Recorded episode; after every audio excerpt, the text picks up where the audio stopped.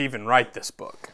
to write the book of Nehemiah on top of all the other things that he did is ridiculous. But he ends the book by saying this God, all this good is for you. All this good is for you. And we're going to see the character of Nehemiah. So if your Bibles, turn to Nehemiah chapter 1. I'm going to kind of give you a little bit of the entire book, but mostly focus in on Nehemiah chapter 1 and 2.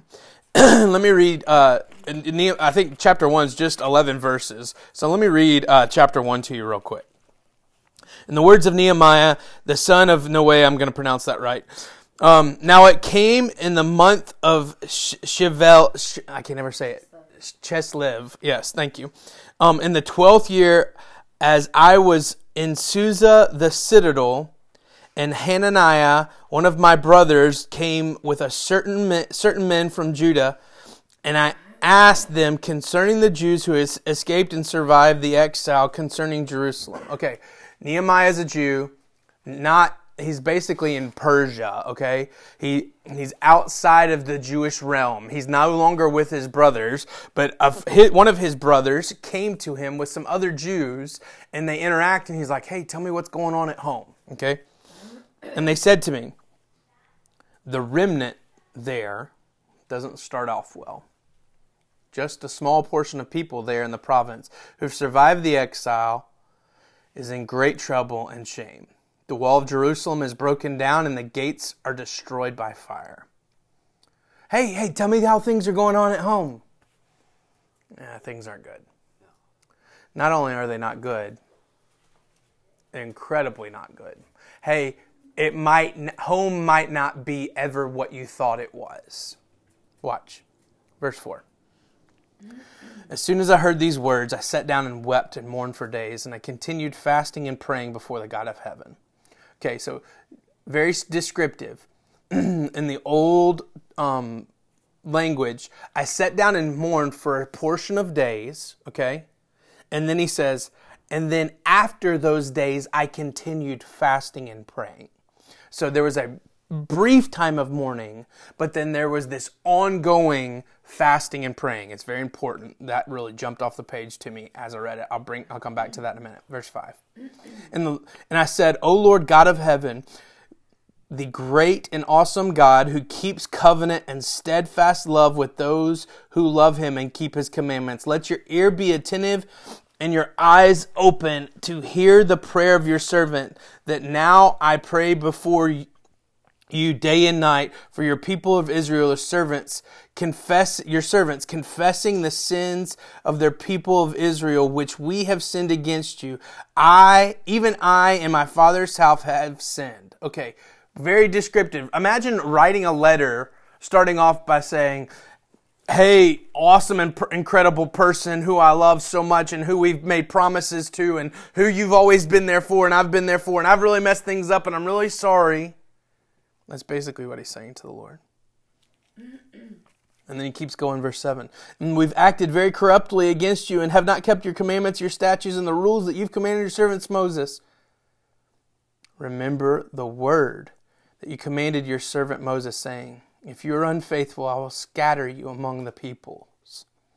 But if you return to me and keep my commandments and do them, though your outcasts are in the uttermost parts of heaven, from there I will gather them and bring them to the place that I have chosen to make my name dwell there.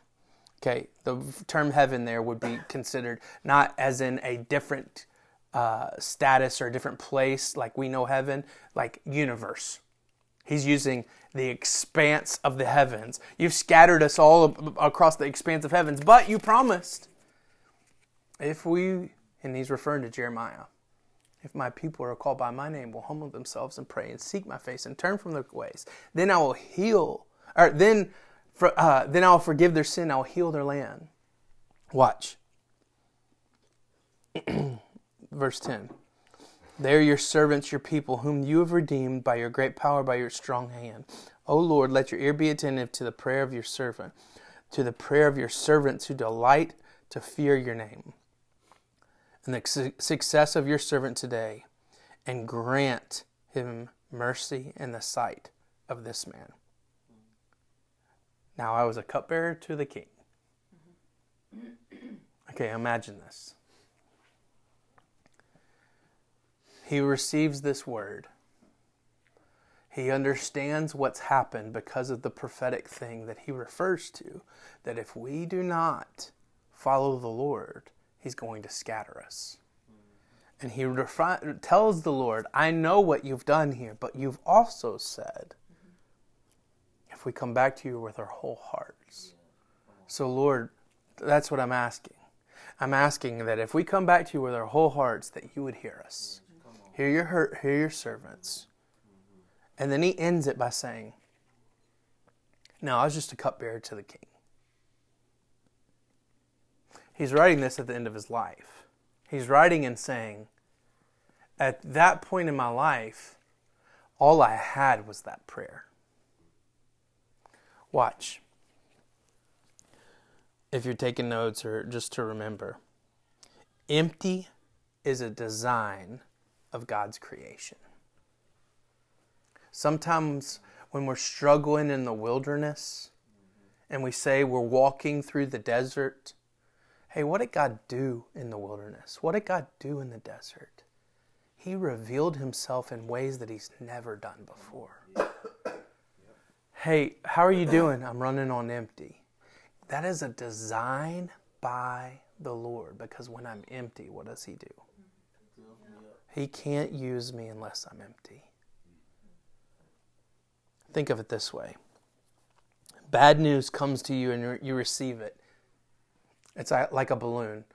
Have you ever, um, uh, what the, we were just watching some, one of those guys that's famous on the internet for doing stupid things?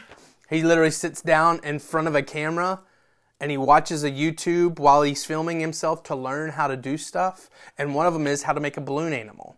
And so it's like a 12 minute video, and he can't get past step one. You hear the guy talking on YouTube, and the guy is saying, all right, all you have to do is inflate the thing, and he spends 10 minutes on you, on the video trying to inflate this little cylinder balloon. Have you seen those balloons that the clowns use? They're impossible to inflate, right? Yeah, there's a little pump that you have to use sometimes, right? It's like this balloon that's incredibly po- impossible to inflate. So then this guy on the video, I've made Ann watch it just because I think he's he's got like this weird Alabama accent, so that makes it funny to me. Um, because I hate Alabama. Um, yeah, throw that in there. Nah, they were on steroids and cheated last night. Um, so that, that that's a pastor saying, "Thus says the Lord." By the way, um, so they um, he goes through two or three YouTubes until finally he finds somebody that says, "Hey, you need to stretch it out a little bit." Have you ever blown up a latex balloon that's really hard? What do you do? You pull on it. You stretch it. There has to be space for the Lord to fill. If you're in an empty spot right now, all that is is space for the Lord to fill. I say this to couples sometimes. Well, has this always comes up when you're in, interacting with couples that maybe someone's dealing with an addiction inside the marriage or someone's gone off the deep end. Well, they haven't hit rock bottom yet. Why do we say that in our English language? They haven't hit rock bottom yet. We say that as they need to get to the very bottom of it. The moment you hit rock bottom, you know what the space is now between you and the top. Until you hit rock bottom, you don't know what, what the volume of that space is. It's like the Lord's digging a well deep inside your heart. That's not going to be fun but it's going to create space mm. for him to fill. Watch. Bad news comes, and Nehemiah pauses. He doesn't react. His reaction is before the Lord. Now, he does mourn, and there's an appropriate sign. He says, for a few days. But then he continued in this relentless concept of praying. Hey, we're praying for you. What else can we do? Have you ever said that? I'm trying I'm doing everything I can to take that out of my vocabulary. There is nothing else that I can do. Now, sure, financially I might be able to help, or sure I can lift something, or take a take a meal. Those are all practical things. But if not done in a prayerful heart, why am I doing it?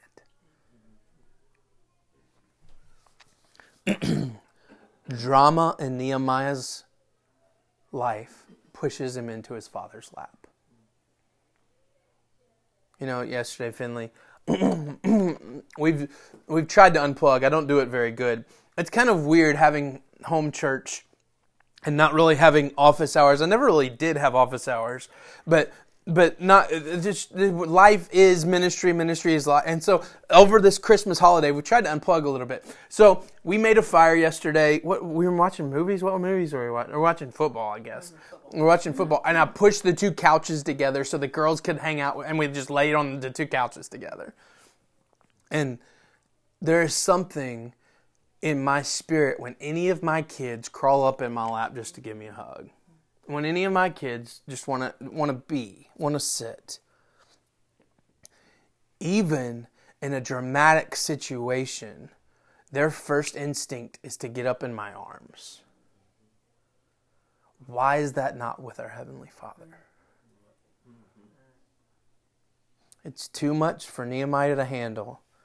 So he puts it on someone else's shoulders whose shoulders are big enough. But watch. God brought the burden. He even says it in his prayer Lord, you did this because we didn't follow you. So he's climbing up to the one who filtered it through his hands. He's climbing it up to the one who didn't shut it down. He's climbing up to the one who's the, who's the one that's creating this empty feeling inside of him. He's the one that created the emotion that Nehemiah is feeling. He's the one that scattered everybody abroad. Why does a good God let bad things happen to good people? I say that all the time when people make that statement to me. Nothing bad has ever happened to a good person except for one, because there is not a good person on the planet and the worst thing happened to the best person. The, we, we think of God as being this God who is in charge, and that's true, but in control of all things. His control is so much out of what we can comprehend that we don't understand this. And I'm going to try to explain this because it could be like blasphemous, Ryan. Un, you're not you're saying the wrong things. No, listen to me for a second. If God doesn't will that any should perish, why does any human being die? Because God has allowed us to take things out of His control and put it on ourselves. In His sovereignty, He has given us this free will. So, in that free will, He said, if you take this and you do life this way, I'm going to scatter you everywhere. And that's what's happened. Nehemiah goes back to the Father's heart, even though he's the one that scattered. What? Listen to this. The bigger the responsibility, the greater the burden. So the one who can deal with the burden appropriately re- receives the greater responsibility. If I can't handle the burden, nobody's going to give me the job. But if I can handle the burden, and by handle the burden, hey, please, church family, this is conversations with us a lot. To handle the burden doesn't me, mean me putting it on my shoulders and doing it. To handle the burden means, okay, Lord, this is yours. I have to understand that empty is a design by God next week. We're going to talk through this. Please, please come back. I feel like a big, yeah. You come back next Sunday. Um, I'm going to give my sermon away. Day one, day two, day three of creation. Heavens and earth. The earth was formless and without void. Okay? Day two. Um, uh, sent, I sent you the text. What was it? Day two.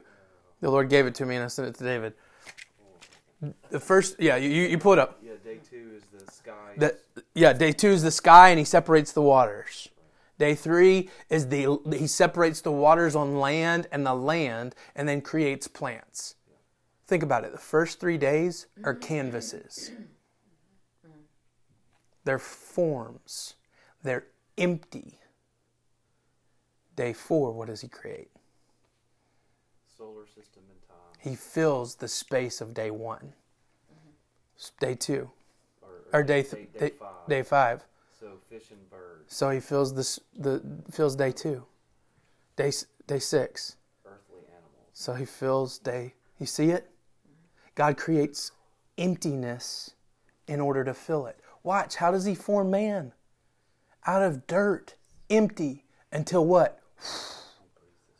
He fills it. What makes us think that he's not doing that with us in our sanctification right now? God had to form Nehemiah for what's to come in order for Nehemiah to be able to hold what God was about to fill him with.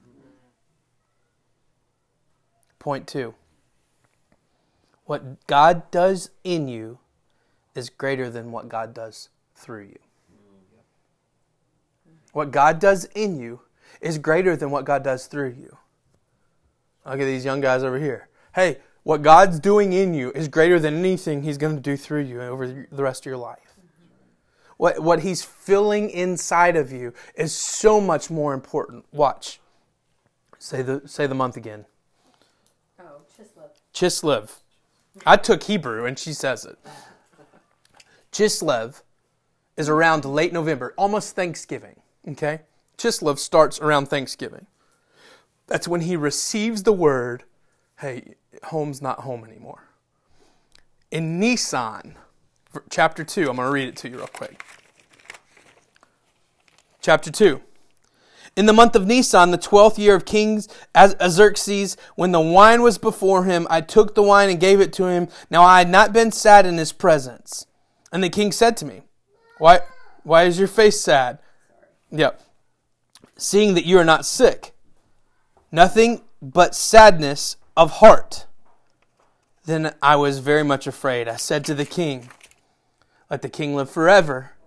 Why should not my face be sad when the city, the place of my father's graves, lies in ruins and the gates have been destroyed by fire? I'm going to stop there for a second.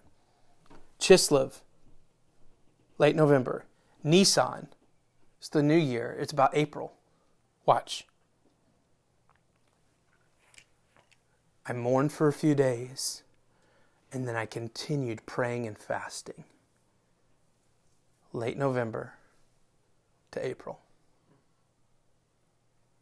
Long, long period of time. You see it?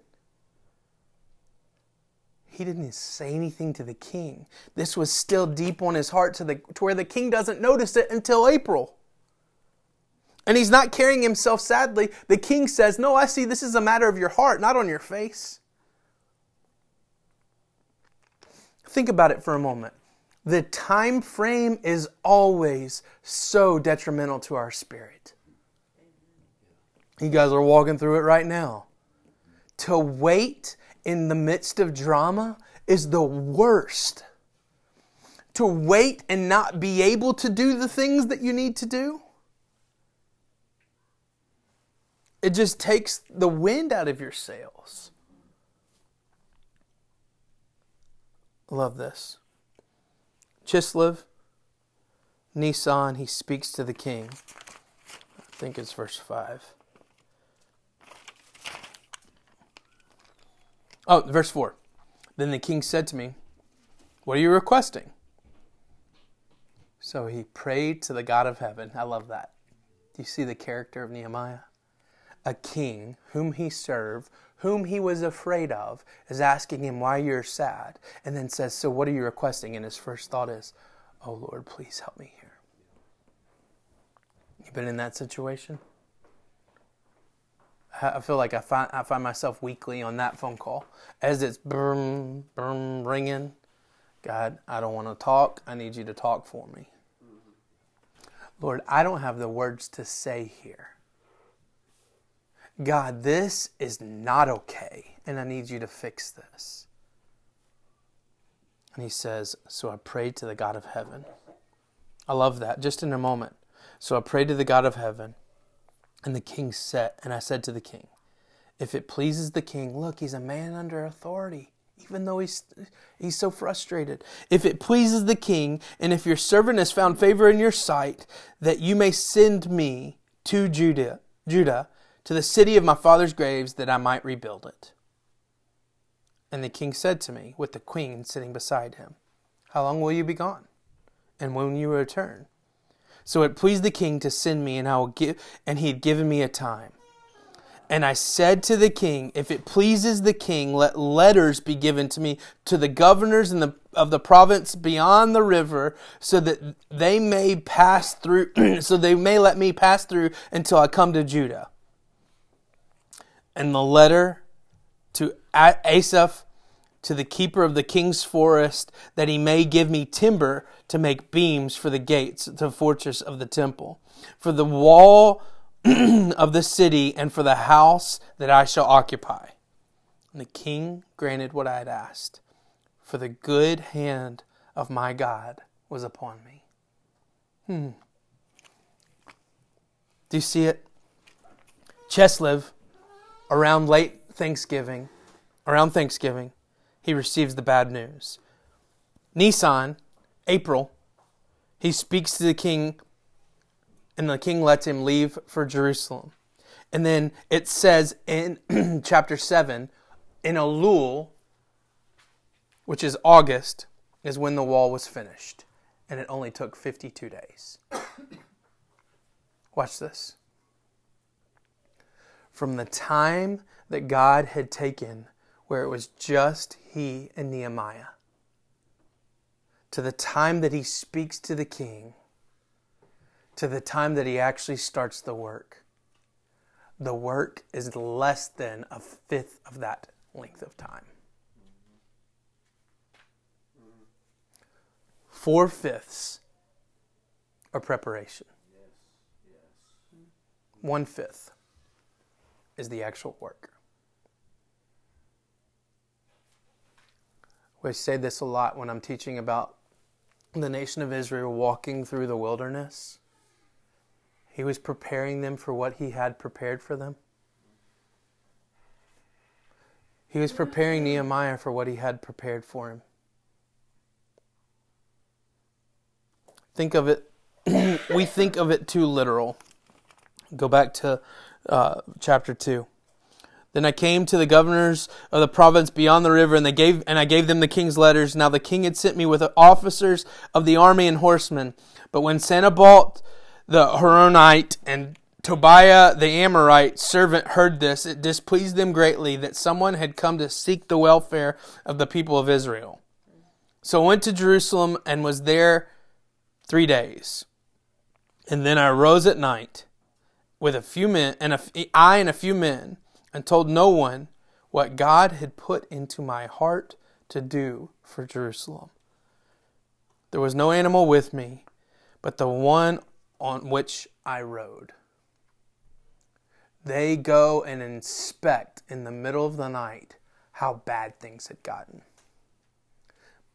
But Nehemiah says specifically, I told no one of the thing God had put in my heart to do for Jerusalem yet. He's realizing that God's preparing him for the next thing. He's realizing that God's doing a work. Listen to me a wall, let's be realistic for a minute.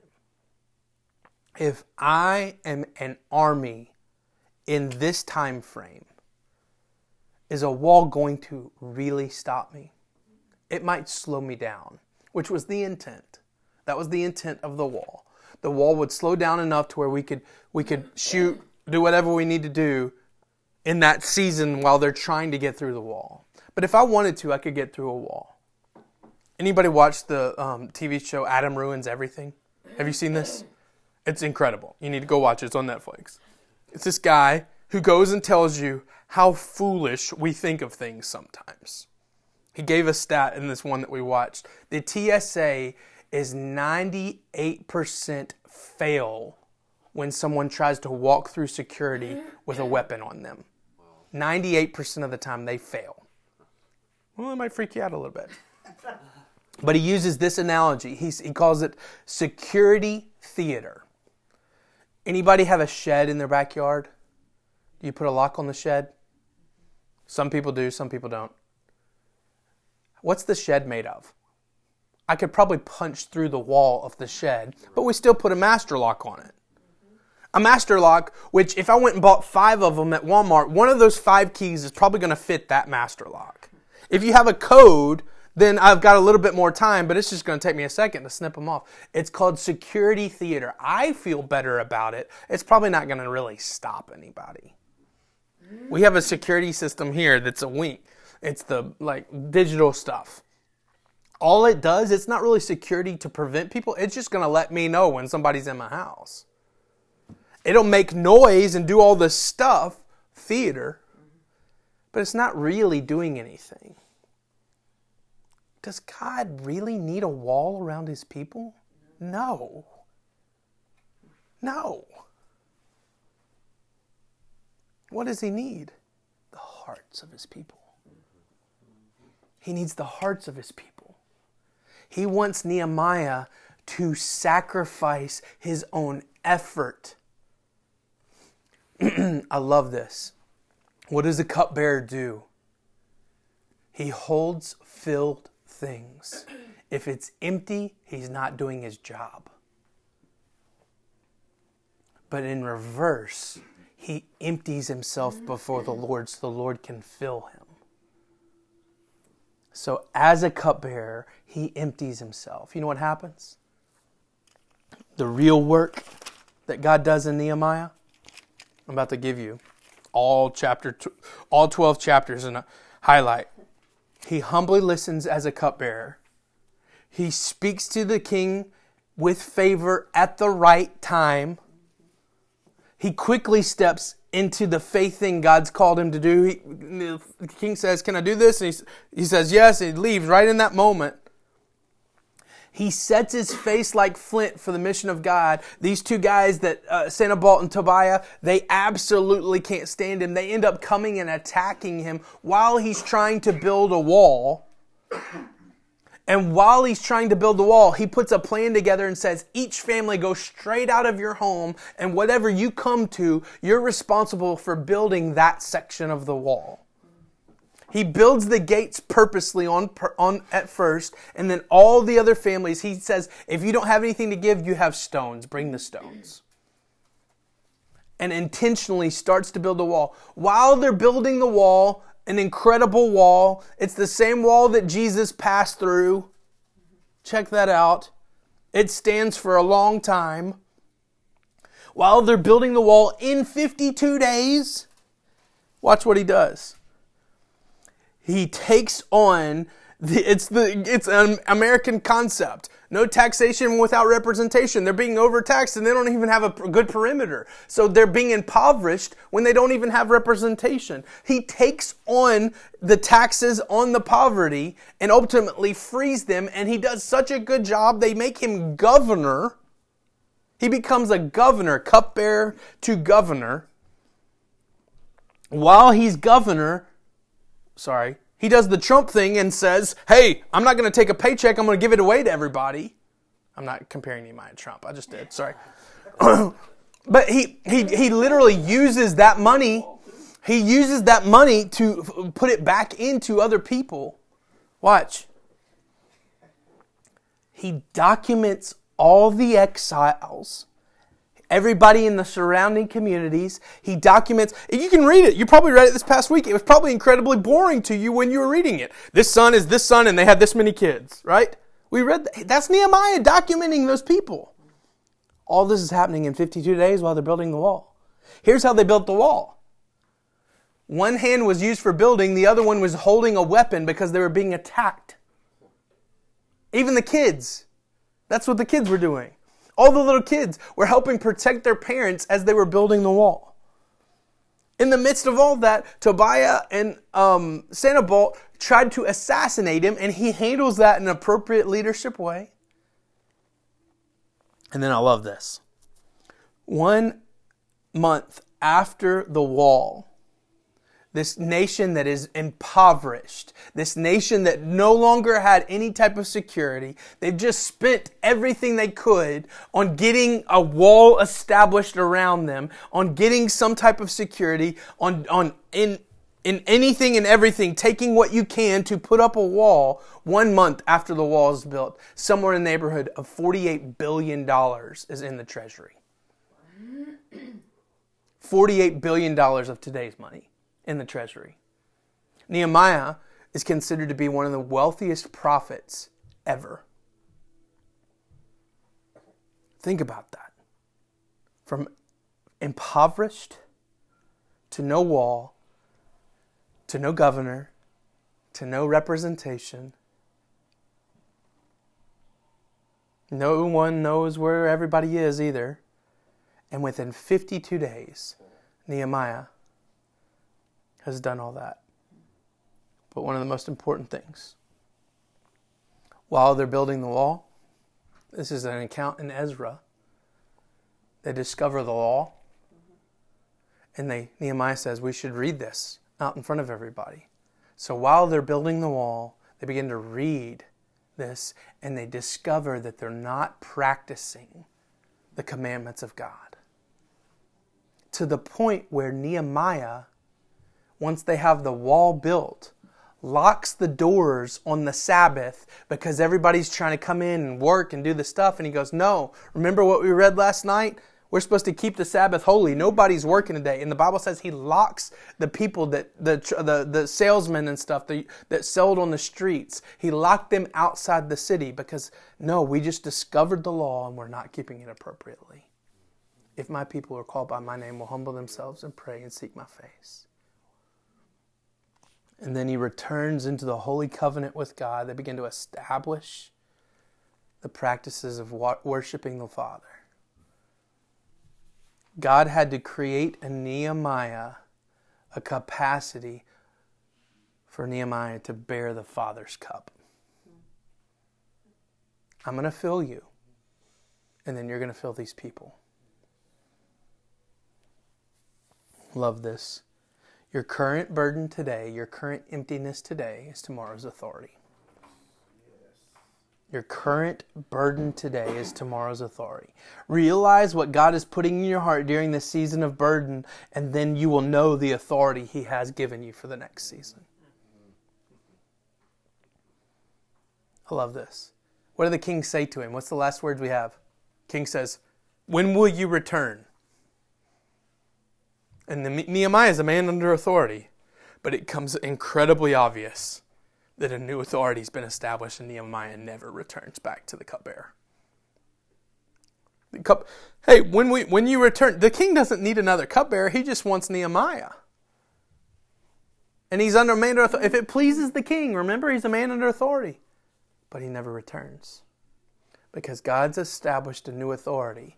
And once God's established a new authority, everyone becomes aware of it, and no one desires for you to return. And then I love this. Nehemiah asks for letters to the other governors of the towns he's going to walk through. And within 52 days, he's their equal.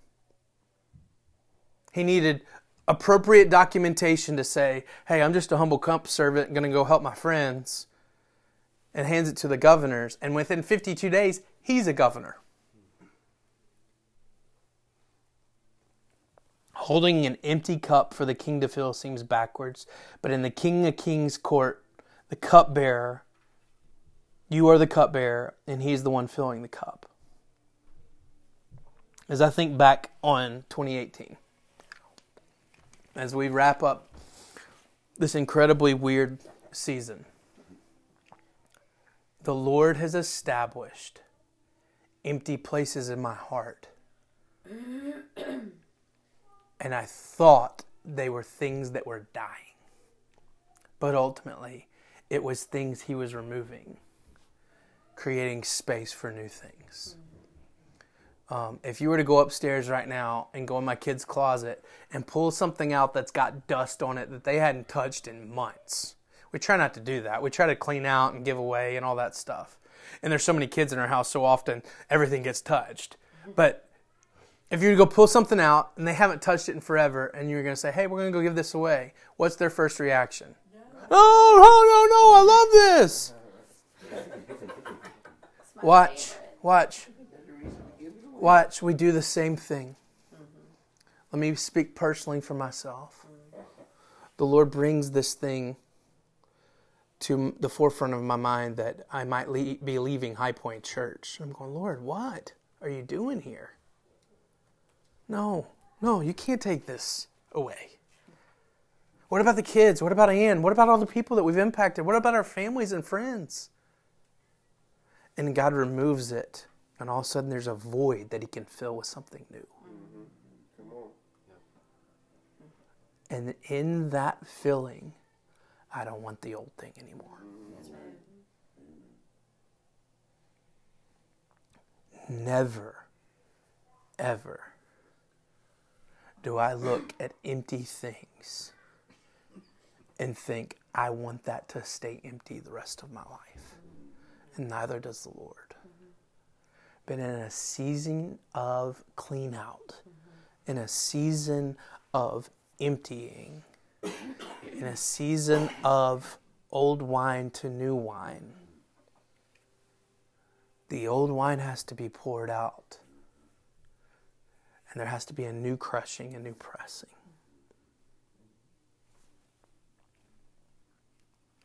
The things that God did this past year. They were hard and they seemed way too burdensome. I'm sure Nehemiah, over those five months, waiting for, Lord, I just need to do something. And he's still just serving the king cups of wine. And he gets a moment of victory and then steps into the people get too tired. They want to quit. They're being attacked. How in the world do I build this wall? How do I gather all the exiles? He gets overwhelmed, I'm sure. Mm. Hard things that seem too burdensome happened a lot in 2018. But look at me. With everything in me and not pastor talk, as true as I can be in front of you, let's do it again. Because of how good our Father is. And speaking of that goodness, I want you to read it. If you have your Bibles, turn to Nehemiah 13. We read it this morning. It's so good that we read it this morning. So, last things that Nehemiah says in his passage, as he's written, as he looks over his life, he was governor for 12 years. And in those 12 years, the establishment of the incredible city of Jerusalem that Jesus would weep over as was established. And listen to what he says in verse 30. So I've made the priest and the Levites clean and pure. I took away all foreigners and the strange things that they taught. And I gave the Levites and the priest their own duties and responsibilities. And I made sure the people will bring gifts of wood and the first part of their harvest at the right times. My God, remember me for doing these good things. In 2018, there's been a lot of things, but I want to be found faithful with the thing the Lord has put in front of me. And I feel like we can close the chapter 2018 and say, Lord, you've been good, and so remember us for walking in your goodness, not our own. And as we look to 2019, Lord, let's do this again. Let's go down another journey. Let's go down another path. Let's go around another emptying if we have to. But Lord, fill. Be faithful to fill. Let me pray for us. God, you're so faithful. You're so good. And Lord, for those in the room that feel like they're in a season of emptying, Lord, you've been faithful to fill before, be faithful to fill again. Lord, I pray that we would mourn like we need to, but the emptying would turn us closer to the Father's lap And ultimately, we would know that you're about to fill with new, greater authority. And God, we look to 2019 as a new, fresh start, as a new, fresh year for you to empty and fill again. In Jesus, we love you. In Jesus' name, amen. Amen.